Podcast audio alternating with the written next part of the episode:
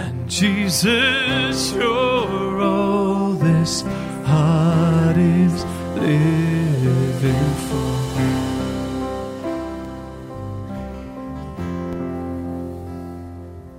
Ja, Here Jesus. Vanoggend bring ons onsself voor U in nederigheid as U kinders, as U disippels. Ons vra Here, ontmoet ons hier deur die Gees waar ons onsself Here voor U verootmoedig. Leer ons Here, lei ons in alle waarheid vanmôre. Spreek Here, U gemeente luister. Amen. Amen. Amen. Goeiemôre. Dit is my voorreg om vanoggend die woord van die Here te bring.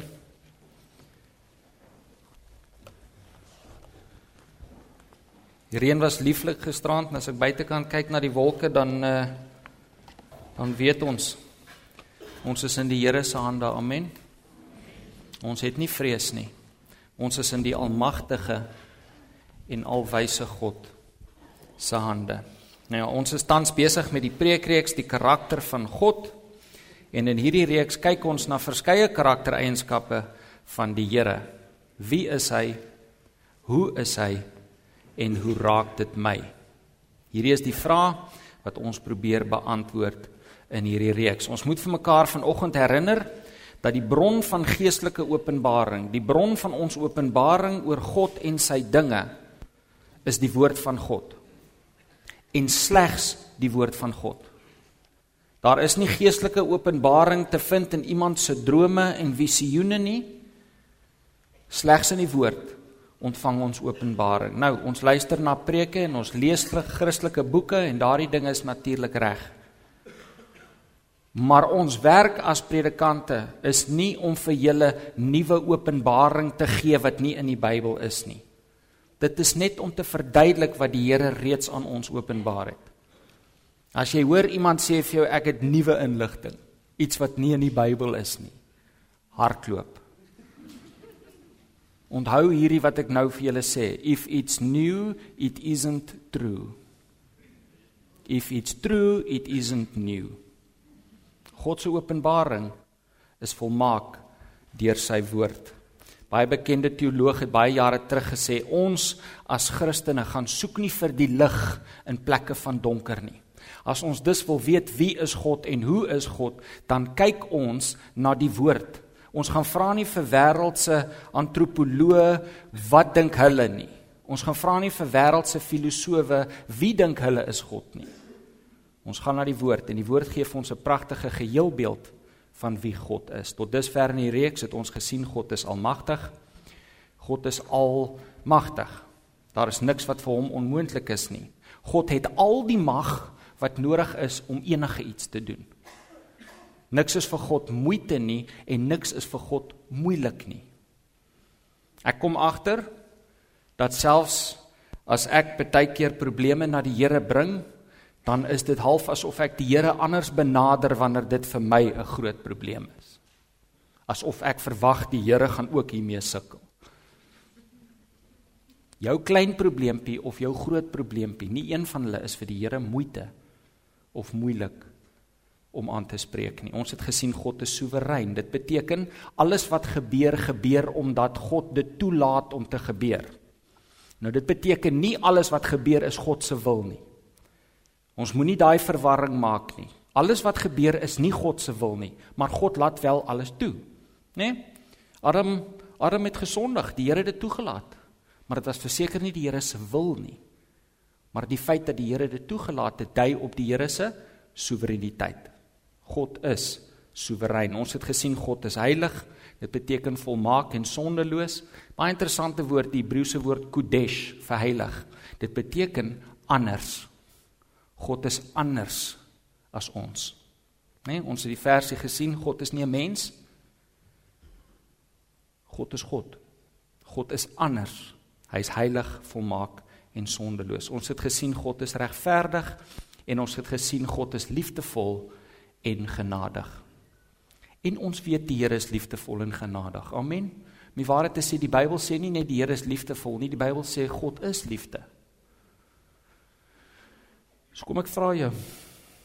As God liefde is, hoekom is daar soveel pyn en lyding in hierdie wêreld?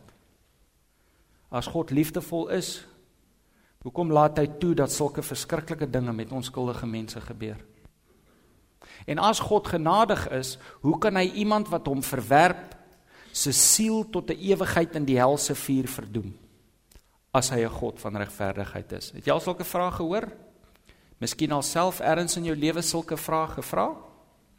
Dit is die soort vrae wat van nature opkom wanneer ons na slegs 1 of 2 van God se karaktereienskappe kyk en probeer om 'n geheelbeeld van God te bou net om hierdie deel wat ons na kyk. So ek hou van die idee van God as 'n God van genade en liefde, so ek probeer my geheelbeeld van God dan bou net om hierdie gedeelte van God se karakter. Ons mag dit nie doen nie. Ons kan dit nie doen nie. God is liefde en genade, maar God is ook heiligheid en regverdigheid. En dit is wat hierdie legkaart hier agter ons illustreer. Elke week plak ons 'n verskillende deel van die legkaart op wat dui op 'n karaktereienskap van God want ons moet na die geheel beeld van God se karakter kyk. Nie net vashak by een plek nie. God is 'n God van heiligheid en regverdigheid en ek bou 'n beeld van God wat daar sit met so 'n lang stok reg om almal te slaan wat verkeerd doen. Nee God is 'n God van liefde en genade ook. En God is regverdig en God is soewerein. Ons moet na die openbaring van die woord kyk in geheel om te sien wie God is. Ons het gesien tot dusver God is alwetend en alwys. Ons het gesien God is alomteenwoordig. God is nie opgedeel in 5 en 'n half biljoen klein stukkies en elke persoon het so 'n stukkie van God nie. God is volkome by jou. God is volkome by my. God is volkome by elke mens. Dit is wat die alomteenwoordigheid van God beteken. Ons het gesien God is ewig en onverganklik. En vanoggend kyk ons na die volgende karaktereienskap in die reeks. God is onveranderlik. Kom ons sluit die oë. Here Vanoggend as ons na hierdie gewigtige sake kyk en ons vra vir onsself wie is u? Hoe is u? En hoe raak dit ons? Dan weet ons Here dat ons nie hierdie gesprek kan voer sonder die leiding van u Gees nie. Vanoggend Here is my gebed dat U tot ons harte sal spreek. Dat ons Here sal begryp wat dit is wat U vir ons wil sê en dat ons deur hierdie boodskap en deur hierdie reeks nader tot U sal groei in verhouding. Ons loof en ons prys U. Amen. Amen. Ons kyk vanoggend na God se onveranderlikheid. Rian, waar is Rian? Hoe vinnig kan jy as reën in die sonnaarskool? Eras, kom plak vir my vas toe. Maar ek gaan nie vir jou sê waar hy kom nie, maar as jy dit verkeerd kry, dan moet jy na klas bly vir detensie.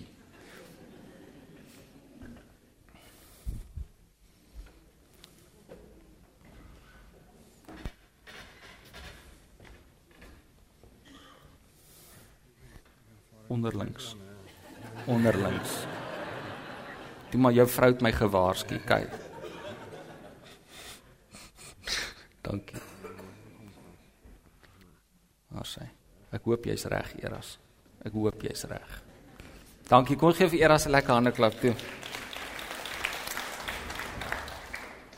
Jy kan 'n tweede help pudding kry vanmiddag. Blaai asseblief in jou Bybel saam met my na Hebreërs hoofstuk 13. Ons gaan lees van vers 1 af. As broers moet julle mekaar altyd lief hê. Moenie nalat om gasvry te wees nie, want deur gasvry te wees het sommige mense sonder dat hulle dit geweet het, engele as gaste gehuisves. Dink aan die gevangenes asof jy self ook gevangenes is en aan die wat mishandel word asof jy self ook mishandel word. Die huwelik moet deur almal eerbaar gehou word Wees in die huwelikslewe getrou aan mekaar, want ontugtiges en egbreekers sal onder die oordeel van God kom. Watse karaktereienskappe van God sien ons daar? Ons sien God se heiligheid en regverdigheid, nê? Nee. Vers 5. Hou julle lewe vry van geldgierigheid. Wees tevrede met wat julle het. God self het gesê, ek sal jou nooit verlaat nie, jou nooit in die steek laat nie. Kyk mooi. Hou julle lewe vry van geldgierigheid. Wees tevrede met wat julle het. Hoekom? Want God het gesê ek gaan jou nooit verlaat nie en ek gaan jou nooit in die steek laat nie. Dis God se alomteenwoordigheid en getrouheid, nê? Nee. Ons sien die karaktereienskappe van God hier. Maar hoe kan ek in tye van nood, in tye van behoefte, in tye van stres, hoe kan ek tevrede wees met wat ek het? Waar vind ek daardie vrede en vreugde in my tyd van nood? Hy sê daar, want God is by jou en God gaan jou nie in die steek laat nie. Kyk mooi. Ek kan tevrede wees met wat ek het. Al het ek behoeftes. Want nommer 1 God is by my in my storm. God is alomteenwoordig. Tweedens, God weet wat my behoefte is. God is alwetend. Derdens, God wil my bystaan. God wil my help want hy is liefdevol en genadig. God kan in elke behoefte van my voorsien want God is almagtig. En God gaan seker maak dat ek die regte ding op die regte tyd op die regte manier ontvang want God is alwys. sien julle dit? Ek kan tevrede wees, ek kan vrede en vreugde in my lewe hê selfs in tye van nood want God is alomteenwoordig. Hy is by my. God is alwetend. Hy weet wat my behoeftes is. God is lief vir my. God se genade is oor my. God is almagtig. Hy kan voorsien in elke behoefte. En God gaan seker maak dat ek die regte ding op die regte tyd op die regte manier kry, want hy is alwys. Charles het vanoggend hy gebid toe ons open met die diensspan en hy het hierdie pragtige woorde gesê toe hy uh, toe hy geopen het, het hy gesê Here, ons kan dankie sê dat die Here se tydsberekening nie ons is nie. Ons dink die Here is laat. Die Here is nooit laat nie. Hy is alwys en ons kan daarin vertrou. Ek gaan hê wat ek moet hê want God is wie hy sê hy is in sy woord. Dit is wat die skrywer van die boek Hebreërs hier sê. Ek gaan hê wat ek moet hê, wanneer ek dit moet hê, hoe ek dit moet hê, want God is wie hy sê hy is. En dit is hoekom hierdie reeks so geweldig belangrik is. My vrede en vreugde in hierdie lewe vir alle tye van nood hang grootliks af van die vertroue wat ek plaas in die karakter van God. Ek kan nie 'n God vertrou wat ek nie ken nie. Ek kan nie 'n ander mens vertrou wat ek nie ken nie. Net so kan ek nie 'n God vertrou wat ek nie ken nie. Ons moet die Here leer ken, ons moet sy karakter ken, want daarin lê ons vrede en ons vreugde. Vers 6. Daarom kan ons met vertroue sê, die Here is my helper. Ek ken geen vrees nie. Wat kan 'n mens aan my doen? Ek is in die hande van die almagtige God. Wat kan enige mens aan my doen? Kan ons die vertroue sien hier in die karakter van God? Vers 7. Dink aan julle voorgangers wat die woord van God aan julle verkondig het. Nou byt gou vas daar. Die boek Hebreërs is geskryf hoofsaaklik aan Hebreëus sprekende Joodse Christene van daardie tyd. Twee hoofstukke van tevore in Hebreërs 11 vind ons wat genoem word die geloofshelde van die Ou Testament. Die skrywer van die boek in hoofstuk 11 sê ehm um, Abraham het God vertrou en dan vertel hy die storie van Abraham, hoe God Abraham gehelp het. Dan sê hy Moses het God vertrou en hy vertel hoe God vir Moses gehelp het. Joshua het God vertrou en hy vertel die storie van hoe God Joshua gehelp het. Hy noem hierdie geloofshelde in hoofstuk 11 op. Nou sê hy hier in vers 7: Dink aan hulle. Dink aan daardie voorgangers wat die woord van God aan julle verkondig het, né? Nee? Let op hulle lewenswandel tot die einde toe en volg die voorbeeld van geloof wat hulle gestel het. Die skrywer van Hebreërs sê luister, Abraham het God sy lewe lank vertrou en God het hom nooit teleurgestel nie. Moses het God vertrou sy lewe lank tot die dag van sy dood en God het hom nooit teleurgestel nie. Joshua het God vertrou. God het hom nooit teleurgestel nie. Jy kan ook God so vertrou.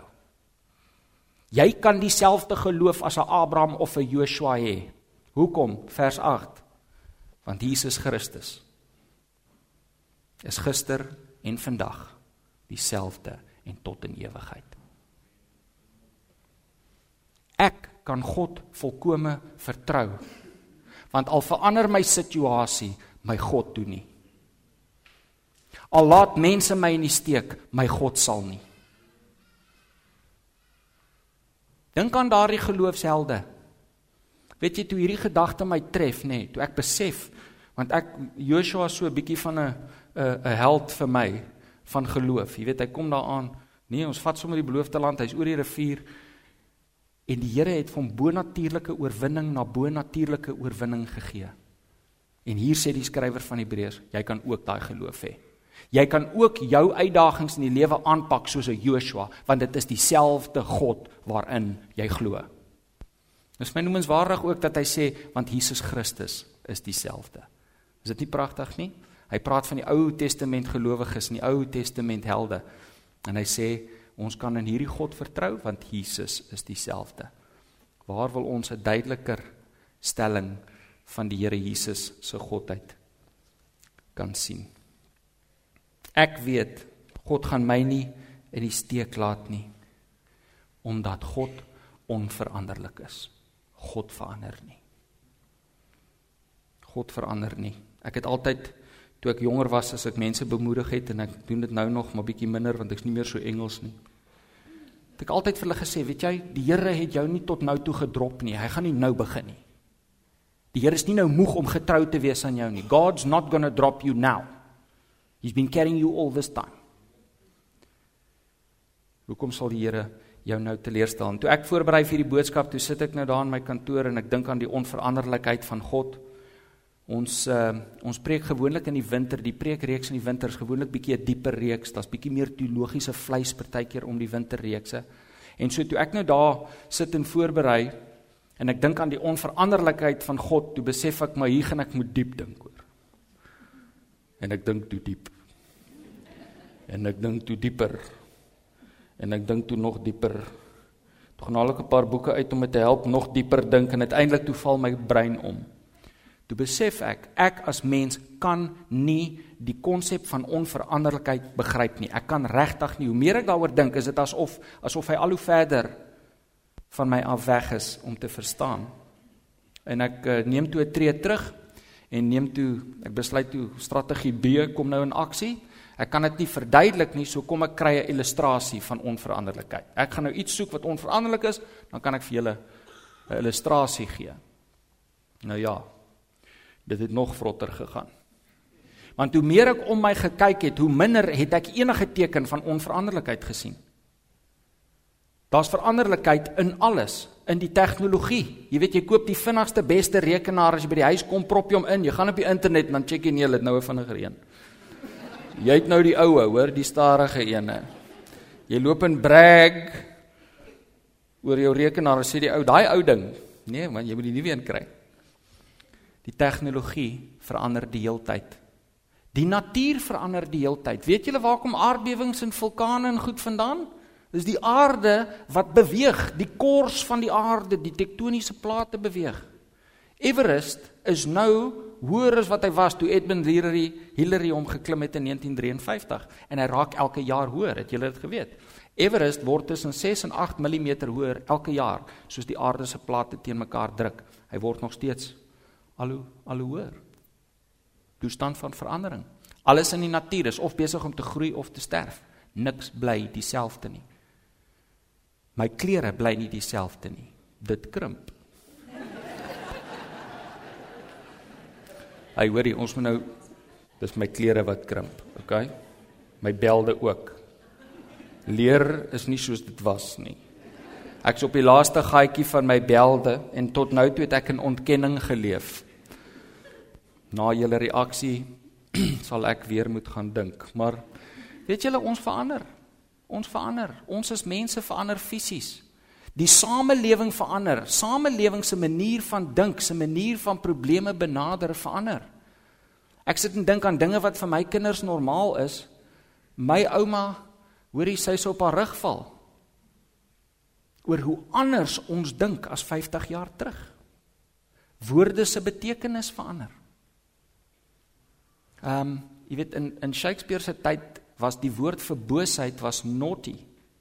Stout. Stout het boosheid beteken. Nou is dit, jy weet 'n kind wat stout is. Dinge verander. Niks bly dieselfde nie. Alles in en om ons is 'n toestand van verandering. En weet julle, verandering bring onsekerheid en stres. Alle verandering. Al is dit goeie verandering, bring dit stres. Hulle het gesê een van die ek lees nou die dag, een van die stresvolste dinge wat deur 'n mens kan gaan is om 'n nuwe huis te koop, te verhuis. En die meeste mense wat verhuis, verhuis omdat hulle 'n beter huis het, 'n groter huis het. En tog is dit een van die stresvolste goed wat 'n mens kan ondergaan. Hoekom? Want verandering in ons lewens bring onsekerheid en stres en die feit dat ons in 'n veranderlike omgewing bly, maak dat ons as mense altyd so lae vlak onsekerheid in ons lewe het. Ons weet dinge gaan verander, ons weet net nie hoe nie. Ek weet, ek weet die politiek in hierdie land gaan verander. Al is dit eendag wanneer die staatspresident sterf, maar verander gaan nie verander. Dinge gaan nie so bly nie. Ek weet dit.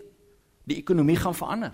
Môreoggend as ek kantoor toe ry, dan is die wisselkoers anders as wat hy Vrydag was toe ek by die werk weggery het. Gaan die verandering beter of slegter wees vir my? Ek weet nie. Maar daar's verseker verandering op pad en daardie onsekerheid waarin ons leef maak dat ons as mense altyd in ons lewe op soek is na ankers om aan vas te hou. Selfs onbewustelik. Maar ons hou aan ankers in ons lewe vas die heeltyd om ons te probeer stabiliseer in hierdie stormagtige lewe. Party mense hou aan geld vas. Jy weet ek het daardie plaas, ek het daardie belegging en as alles verkeerd gaan het ek darm nog dit. Daar's my, daar's my anker, daar's my stabiliteit. Party mense hou aan verhoudings vas. As ek onseker voel, bel ek my pa. As ek bang is, bel my pa. Iets gebeur, bel my pa.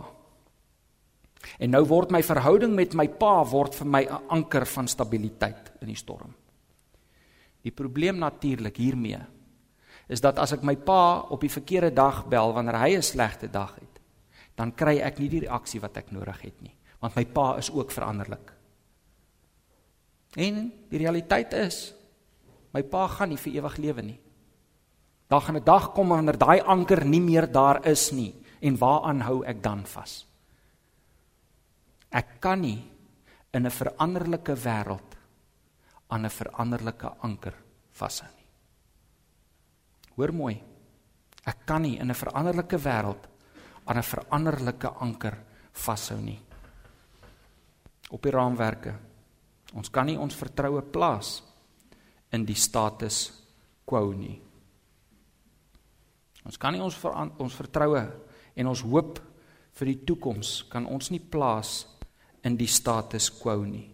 Status quo is 'n latynse frase wat beteken die huidige situasie of dan nou die weg waarop ons onsself bevind. In ander woorde, die pad wat ek nou op is. Ek kan nie my hoop vir die toekoms plaas in die idee dat dit nie gaan verander nie.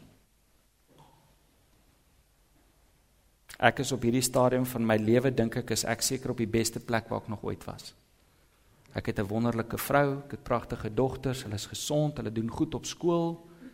Ek het 'n lieflike huis, bly in 'n mooi woonbuurt, ek het lekker werk, ek het ek is ek is in die beste gemeente waar ek in my lewe ooit was met my vriende om my in die bediening. Amen.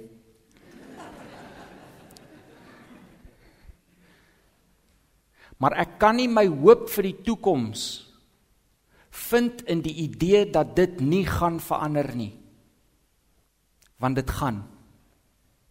Dit kan dit kan verander vir die beter, Maar dit gaan verander. My dogters gaan die huis verlaat. My vrou word al hoe mooier. So daar's, jy weet.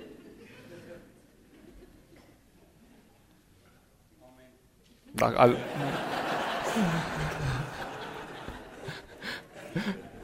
Ja, ek sien ek het gewag. Iemand gaan amen sê baie. Nee, dinge gaan verander. My gesondheid, ek gaan nie vir ewig lewe nie. Dinge gaan verander. Ek kan nie dink dat omdat ek nou op 'n goeie plek in my lewe is, dat dit my anker vir hoop en vreugde kan wees nie. 1 Petrus 1:24 en 25 sê die mens is soos gras en al die mense pragt soos 'n veldblom. Die gras verdor en die blom val af. Maar die woord van die Here dit bly vir ewig. Dis onveranderlik. En hier praat hy nie net van die mense voorkoms nie. Hy praat nie net van jou hare wat afval nie. Hy praat van die mens se wese. Hy sê die mens is soos gras. Hy groei en verdor. Niks is permanent in onsself nie. Niks is onveranderlik in onsself nie. Nommer 2 op die raamwerke, ons kan nie ons vertroue plaas in politiek nie. Ons kan nie ons vertroue plaas in politiek of in politieke leiers nie. Psalm 146 vers 3 in die 53 vertaling sê vertrou nie op prinses op die mense kind by wie geen heil is nie. Vertrou nie op prinses op die mense kind by wie geen heil is nie en hy praat spesifiek daarvan regerings. Hy praat van regeringslei. Toe ek 'n kind was op die plaas, dan sal ons in die aande in die kombuis sit en my ouma was korrelgoed en so. En as my oupa sit en en nuus luister op die radio, dan kom daar nou iets oor die politiek op. Dan begin my oupa so brom brom brom oor die politiek. Dan sal my ouma daar die waskamer sê: "Plaas nie jou vertroue op prinses, op die mense kind by wie geen heil is nie." Ek het groot geword met daardie vers want dit was een van my ouma se groot groot verse in die lewe waarin sy vasgehou het. Ons plaas nie ons vertroue in politieke leiers nie. Ry hier af op die N2. Ry hier af op die N2 dan sien jy daar langs die snelweg is duisende der duisende plakkershutte. Né? Nee? Dan stap jy daar by daardie plakkerskampe in en jy praat met van die ouer mense daar. Dan hoor jy hoe hulle hulle vertroue geplaas het in 'n mens en in 'n politieke party om hulle heil vir hulle te bewerk. Nou is my ou regering uh, in die regering. Nou is my ou president. Nou is die armoede verby, nou is die hongerte verby, nou is die probleme verby. Waar's daardie mense nou? In dieselfde plakkerskampe. Want jy kan nie jou heil vind in politieke leiers of partye nie. Nou goed. Baie dinge het verander na 1994, baie van dit vir die beter. Baie dinge het verbeter na 94. Maar baie dinge het ook versleg. Hoekom? Want mense is veranderlik. Of hulle nou leiers is en of hulle presidente is of ministers is, hulle is mense. Hulle kan soog voor versoeking, hulle kan swak besluite maak. Ek kan nie my hoop vir die toekoms vind in 'n mens nie. Geen mens nie. Psalm 118 vers 8 en 9 sê om by die Here te skuil is beter as om op mense te vertrou. Om by die Here te skuil is beter as om op hoë mense te vertrou. Dit is iets wat baie duidelik in die skrif uitkom. Ons plaas nie ons vertroue in regeringslei of in politieke leiers nie. Maar dieselfde asem kan ek nie vir daai ou in die plakkerskamp sê hoor jou probleem is jy die verkeerde ou vertrou nie. Jy moes my ou vertrou het nie. Maar dan maak ek presies dieselfde fout. Nou goed, ons plaas nie ons vertroue in die politiek of in politieke leiers nie, maar beteken dit ons mag nie stem nie? Nee. Ek glo Christen moet stem. Ons het 'n demokrasie, dit is ons regeringsstelsel in hierdie land en die stembus is die een wettigle wettiglike ehm uh, manier hoe ek my stem kan laat tel. En dit is my verantwoordelikheid glo ek as 'n Christen om te kyk na die woord van die Here en te sê wat is die waardes waarvoor ek moet soek? Iemand wat lief is vir ander mense, iemand wat die armes wil help, iemand wat wysheid het, iemand wat eerlik is. Iemand wat nie korrupsie pleeg nie, wat ook al dit mag wees nie. Ek soek my waardes hier in die woord en dan gaan soek ek 'n kandidaat wat so na as moontlik daardie waardes glo ek uitleef as dit. Ek kan dit doen en ek glo ek moet dit doen. Maar selfs al stem ek daar vir koes, plaas ek nie my vertroue vir die toekoms in koes nie. Ek sit nie my kruisie daar in die hoop, weet jy, as koes wen, kyk dan dan dan's my probleme op 'n end nie. As koes net kan inkom. Ons vertroue is in die Here. Dis beter om by die Here te skuil as by hoë mense. Ons slaan ons oë op na die berge. Dis waar ons hulp vandaan kom. En nommer 3, ons kan nie ons vertroue plaas in finansies nie. Ek kan nie my vertroue plaas in geld nie. Jy ek praat vanoggend met een van die een van die jong manne in ons gemeente En uh, ek sê van weet jy dis maklik om amen te sê op daai stelling as jy nie geld het nie. Jy mag nie in geld vertrou nie. Amen. Amen. Maar wanneer jy dit het, is dit geneig om 'n anker vir jou te word. Daar's 'n mate van stabiliteit wat 'n mens dink jy daar het vir die toekoms. Ek is ek is in November is ek Zimbabwe toe en ek neem 'n kliënt uit vir ete daar, 'n man met sy eie fabriek, groot fabriek, het baie werkers. Ek neem hom uit vir ete. En toe ek so met hom begin praat, toe kom ek agter hierdie man het baie minder geld as wat 'n ou in sy posisie behoort te hê. En ek praat toe bietjie met hom en hy vertel my sy storie. Hy was op aftree ouderdom gewees. Hy het sy lewe lank gewerk, baie geld gemaak, baie suksesvolle besigheidsman gewees. Hy het homself toe gereed gemaak om af te tree. Hy koop vir hom 'n plaas of twee, paar beeste en uh hy begin die die besigheid so stadig aan te seker maar oorgee aan sy seun. En toe begin die land grabs. Jy onthou die grondonteiening in Zimbabwe. En daar is sy plase weg en die Zim dollar begin val. Hy sê vir my en hy probeer sy beleggings herroep. Hy probeer sy geld uitkry. Maar die Zim dollar het vinniger geval as wat hy sy geld kon losmaak en hy het elke sent verloor. Hy het sy hele lewe gespaar. En in 'n oogwink het hy niks. Hy kon nie meer die firma vir sy seun oorgee nie. Hy sê vir my hy moet nou die res van sy lewe werk elke dag net om te kan eet. En weet jy ek het ek het dit het my so geruk toe ek daar sit en hierdie ouer man sit daar en hy sê vir my weet jy ek bid dat ek aan 'n hartaanval sal sterf vir my gesondheid ingee want ek het nie die geld om myself te onderhou nie. 'n Leeftyd se verantwoordelike bestuur van finansies weg deur geen skuld van sy eie nie hoor. Hy het niks verkeerd gedoen nie. Ons kan nie ons vertroue plaas in die veranderlikheid van geld nie. 1 Timoteus 6:17 Paulus skryf 'n brief aan die jong predikant Timoteus. Hy sê vir hom Timoteus Die wat in hierdie wêreld ryk is, moet jy waarsku om nie hooghartig te wees nie. Hulle moet nie hulle hoop op die onsekerheid van rykdom vestig nie. Maar op God wat alles ryklik aan ons gee om te geniet. My hoop vir die toekoms kan nie in geld wees nie. My hoop vir die toekoms kan nie in politiek wees nie. My hoop vir die toekoms kan nie in my situasie wees soos dit nou is nie. As ek my hoop plaas in geld en jy vat die geld weg, raai wat? My hoop is ook daarmee heen. Nou as ek hoope loos.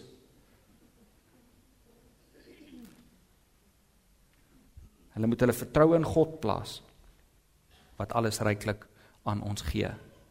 My hoop kan slegs op die raamwerk. My hoop kan slegs in die onveranderlike God wees.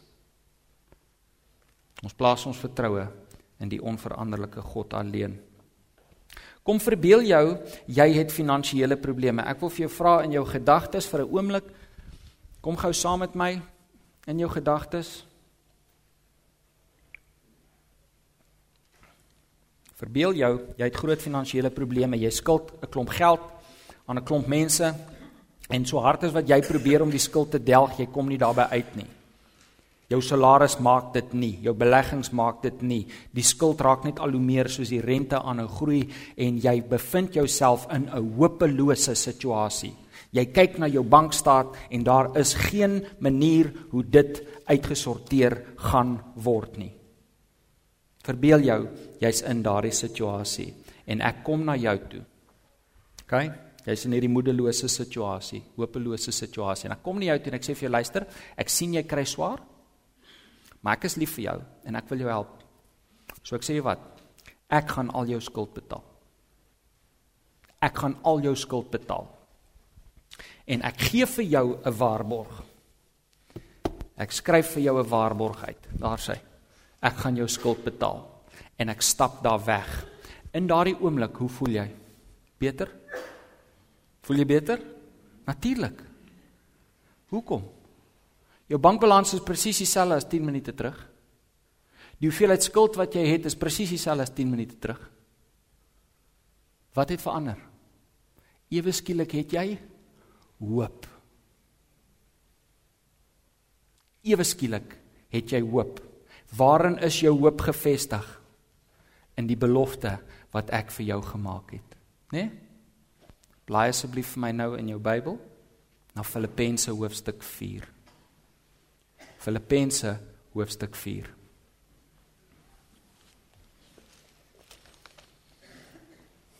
Matteus, Markus, Lukas, Johannes, Handeling. Ken julle daai liedjie? Julle sal dit nie glo nie, nog steeds baie keer as ek 'n Bybel, ek meen ek weet nou waar die Bybelboeke is, maar nog steeds baie keer as ek bly, dan sing ek die liedjie. Dankie oom Jan. Jan de Wet se liedjie, né? Filippense 4 vers 19. Filippense 4 vers 19. My God sal in elke behoefte van julle ryklik voorsien volgens sy wonderbaarlike rykdom in Christus Jesus. My God sal in elke behoefte van julle ryklik voorsien volgens sy wonderbaarlike rykdom in Christus Jesus. Broer en suster. Abraham het God vertrou en God het hom nie in die steek gelaat nie. Maar daar was tye wanneer Abraham aan daardie belofte van God moes vashou. Moses het God vertrou en God het hom nie in die steek gelaat nie. Maar daar was tye wanneer Moses aan daardie belofte moes vashou.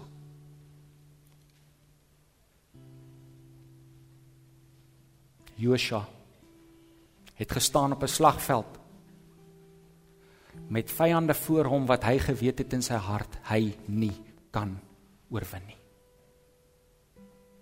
Maar hy daar gaan staan. Want sy vertroue was nie in homself nie. Sy vertroue was nie in sy wapens nie. Sy vertroue was nie eers in die manskappe saam met hom nie. Sy vertroue was in God. En God het hom nie teleer gestel nie. Ek wil vir jou vanoggend sê jou God jou God is alomteenwoordig. Hy is by jou in hierdie storm. Jou God is alwetend. Hy weet presies wat jou behoefte is. Jou behoefte, jou nood, jou storm is nie vir God 'n verrassing nie. Jou God is liefdevol en genadig. En daardie liefde en genade is ryklik in jou lewe te sien. En jou God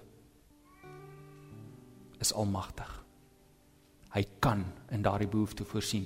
Jy sien dalk nie hoe dit gaan beredder word nie. Jy kan dalk nie sien hoe hierdie probleem ooit opgelos gaan word nie, maar jou God kan, want jou God is almagtig. Hy het al die mag wat nodig is om alles in jou lewe te doen wat gedoen moet word en jou God is alwys.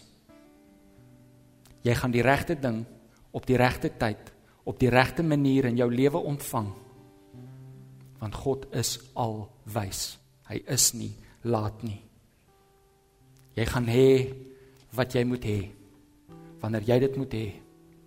En jy kan jou vertroue in hierdie God plaas want hy is gister en vandag tot in ewigheid dieselfde. Amen. Kom ons sluit die oë. Here Jesus, dit is alleen deur u liefde en genade dat ons vanoggend voor u troon kan kom. En onsself hier Here voor u neerbuig. En u erken as die almagtige alwyse alwetende God as liefdevolle en genadige God as regverdige en heilige God. Here ons plaas ons vertroue volkome in U want ons weet in hierdie wêreld is daar nie heil te vind nie. Ons vra Here deur U Gees bemoedig ons, versterk ons. Help ons Here, leer ons hoe om aan U en U ewige woord vas te hou. Sodat ons 'n getuienis van die onveranderlike God se liefde en genade aan 'n verlore wêreld mag wees. Ons loof en prys U. Amen. Amen. Amen. Kom ons staan. Ons loof die Here vir sy goedheid.